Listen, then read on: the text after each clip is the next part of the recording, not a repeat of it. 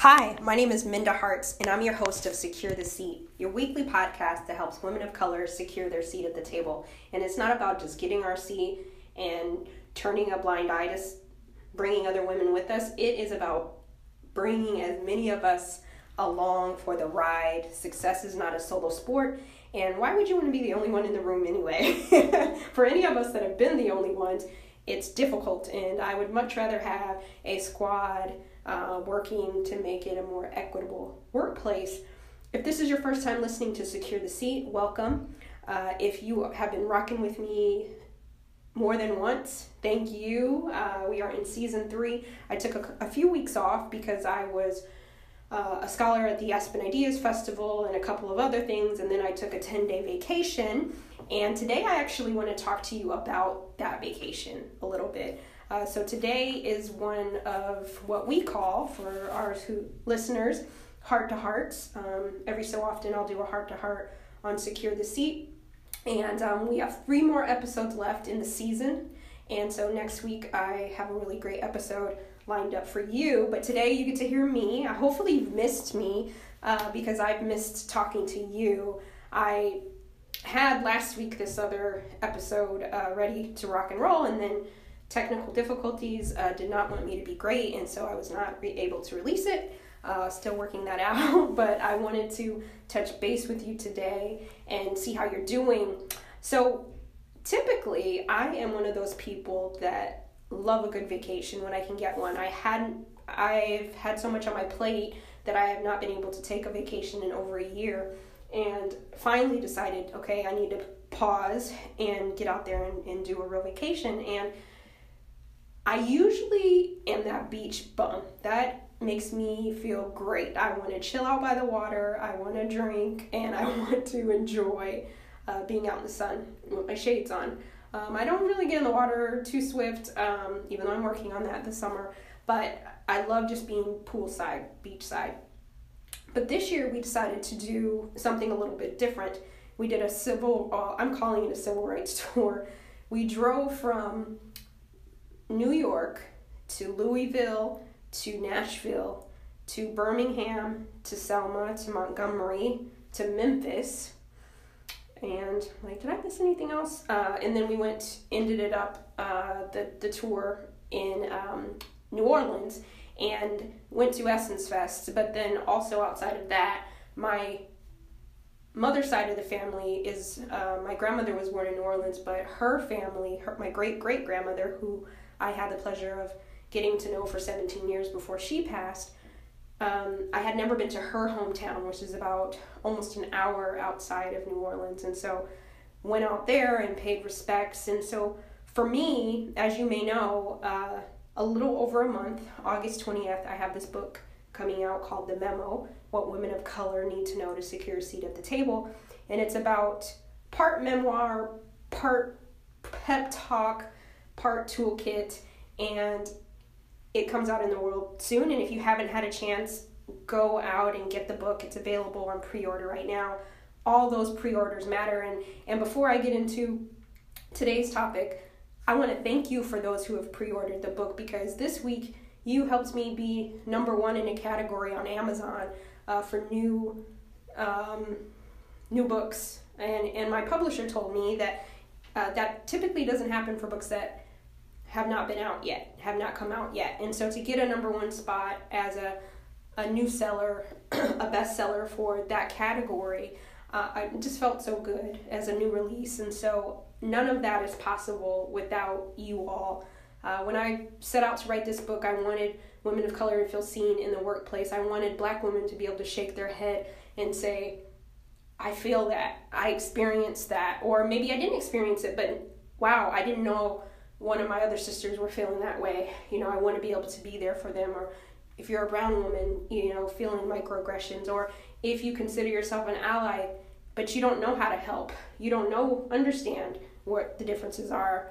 This book is for you. And so I just am so thankful, so much gratitude for each of you because, you know, I don't have a trillion followers. I, I am not famous by the world standards. And just for one person to buy the book. Um, you guys have shown so much love, so thank you, thank you, thank you.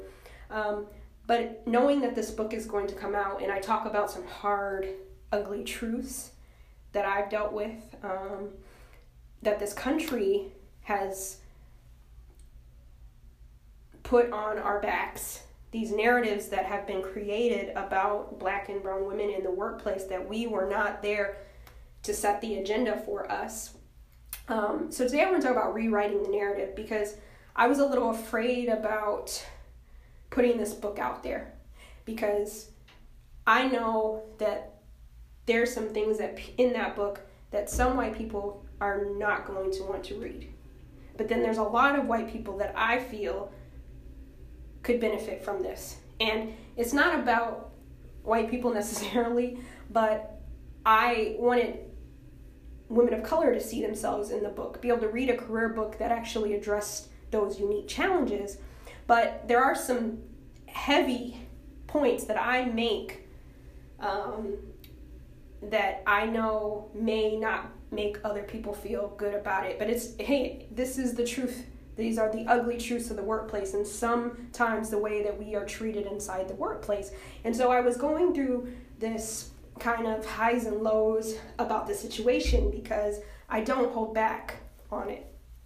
I speak my truth and I speak some of the truths that were told to through the stories of other women that I included in this book. And going on this civil rights tour, I just felt so inspired I felt so em- empowered. There was so much racial terror that went on in the South. And going to Memphis and going to Lorraine Motel, seeing the room in which Dr. King was murdered, and then across the street, you could actually go inside the boarding house and go into the area, the room in which the person shot through the window, and and you're you're there you're embodying this and you're realizing that so many people fought so that you and I could even talk about this today. There was a time that the women that came before us couldn't even speak on matters like this without fear of being murdered or lynched or what have you, some type of racial terror. And I'm not saying that writing this book is remotely close to some of the hardships that the freedom riders had to deal with. We went to the spot um, in Montgomery. We went to Selma and walked across the the bridge for Bloody Sunday. I mean, but seeing all of this and experiencing it in a different way. It's one thing to read about it, but it's one thing to be on the soil, be on the ground where people fought like hell for us. And how dare I not use these opportunities to do the same for the next generation, for the current generation. And it's all about rewriting the narrative. Back in the Jim Crow era, back during s- slavery, there was these narratives that were created about us. We had no say in what people were calling us, who they said we were, who we get to be, down to what jobs we could hold. And I'm here t- to talk to you today about rewriting your narrative. Don't let anyone write it for you. You hold the power, you have options. Sometimes we deal with so many different systems that sometimes we start to believe what people have said about us. Oh, you're difficult. Oh, you're incompetent. Oh, you're this. Oh, you're that. You know what? That's them. We have to reshape and rewrite our own narrative recently two states have put into law that they sh- that that no employer can discriminate against natural hairstyles. Now, it's a shame that that has to be a thing in 2019. It should be all 50 states and territories should be pushing this forward. But this is where we are. This is we're still talking about here. Basic stuff right? And for so long, they told us how to wear our hair, what kind of clothes to wear, how we should talk. And I'm saying, I'm not saying go from zero to 100 real quick, but I'm saying whatever that is that you want to be, allow yourself to take the steps to be to write your own narrative. If working in the law industry is not what you want to do, figure out how you get to live your best life. For example, uh, one of the stops that we made was to the lynching memorial and the Legacy Museum. And in Montgomery, uh, or was it Birmingham? Uh, I think it was, now I'm getting the cities confused, but um, the Legacy Museum, where it's built upon, is a former location of where enslaved people were housed in a warehouse. And to be in that space in 2019, knowing that there are currently people being held in warehouses today, I was crying through that whole curation um, from slavery to incarceration. They do a phenomenal job of curating that. It was so beautifully painful. And then you take the bus to the lynching memorial and you see all of the, the names, the known names of those in the South who had been lynched. Um, their names on these pillars that are hanging. And in one community, I'm sorry, one county, one county, there were 245 people lynched. Not one state, not one, um, two states, one county. And what saddened me the most about it was some of those had entire family names on there, so you could tell that it was like a mother and a father, and maybe even some children or maybe grandparents, but a whole family had been um, murdered. And I asked the uh, one of the curators there, you know, why, what happened here? And what they were saying was when some families were able to get land and they were farming on it, when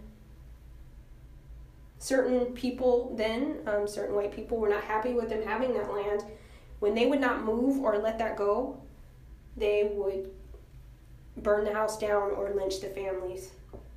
And I tell you this not to try to like kill the mood or anything like that, but I want to tell you that so many people fought so that you could speak up for yourself. Self advocacy is yours. And it may look different for me, it might look different for you. But when you look back on your life, I hope you can be proud of the things that matter to you. When you think about your needs in the workplace, what you need to be happy, that might be money, that might be flexibility, that might be a good manager. Whatever that is to you, that you will take a step and you will speak up for yourself. You will rewrite your own narrative for who you want to be in the workplace. No longer adhering to this angry, this docile, this feisty, this like after seeing all of this, even sitting at the counter in Nashville where one of the first sit-ins at the at Woolworth, sitting there, I mean you couldn't help but think, wow, if it wasn't for for those people, the ones we know and the ones we don't know, where would we be right now? We would not have the Civil Rights Act. We would not have the Voting Rights Act. And a lot of these things, um, and, and even to the point of the jobs that we could have, many of our great greats were not able to hold office jobs in the way that we are today. Not able, they tried to start businesses and were forced out of those things. But you know, the one cool thing about all of this is many of them rewrote their own narratives. Um, there's a great book, a big book, thick book, called Warmth of the Other Suns, and it talks about the great migration of African Americans up north and out west and to the east coast and how people rewrote those narratives all the racial terror that they went through some people would have themselves shipped in um, caskets from like louisiana to chicago can you imagine being so intentional about changing the narrative for your life. And and I realize that we may not be in a space where we have to be in a casket and ship ourselves in in certain places, but what are you going to do for you to make it better for the next person?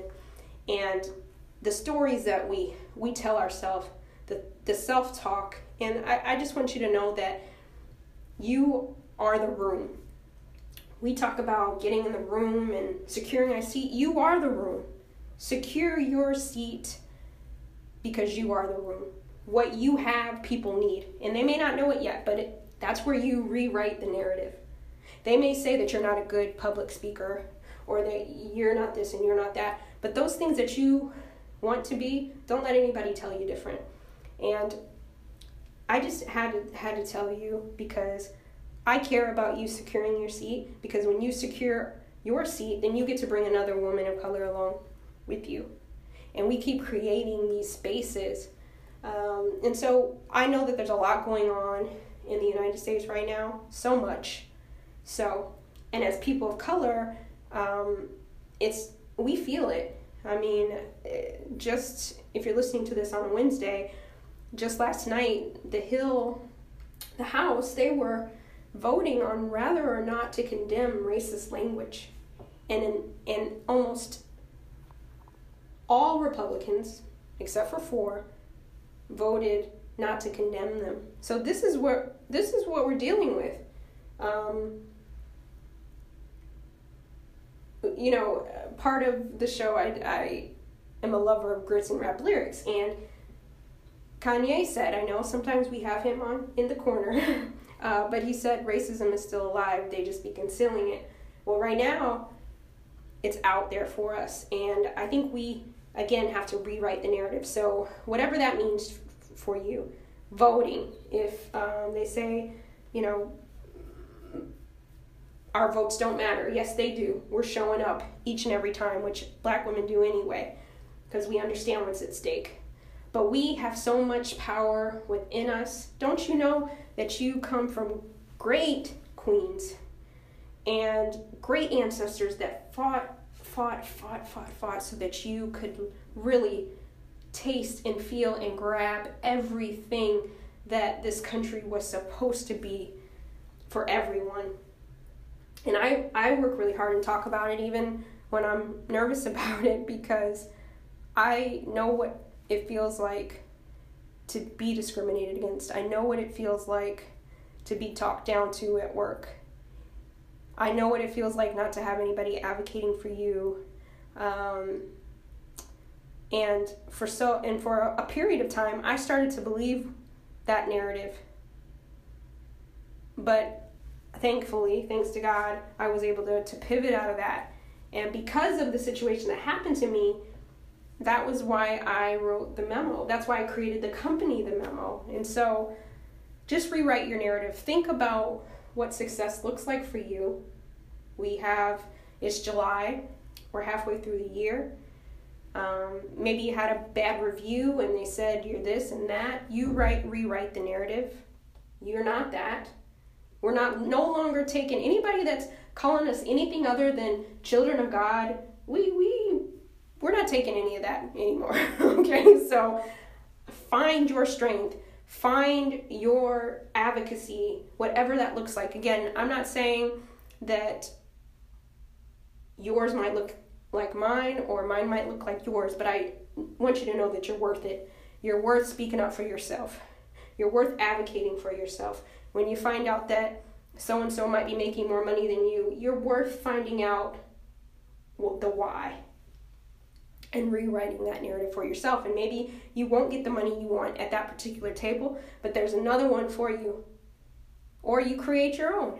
But wherever you go, secure that seat so that you can um, bless somebody else, right? So that's all I have for today. I, I kind of feel like I did like some mini sermon. I hope you followed that.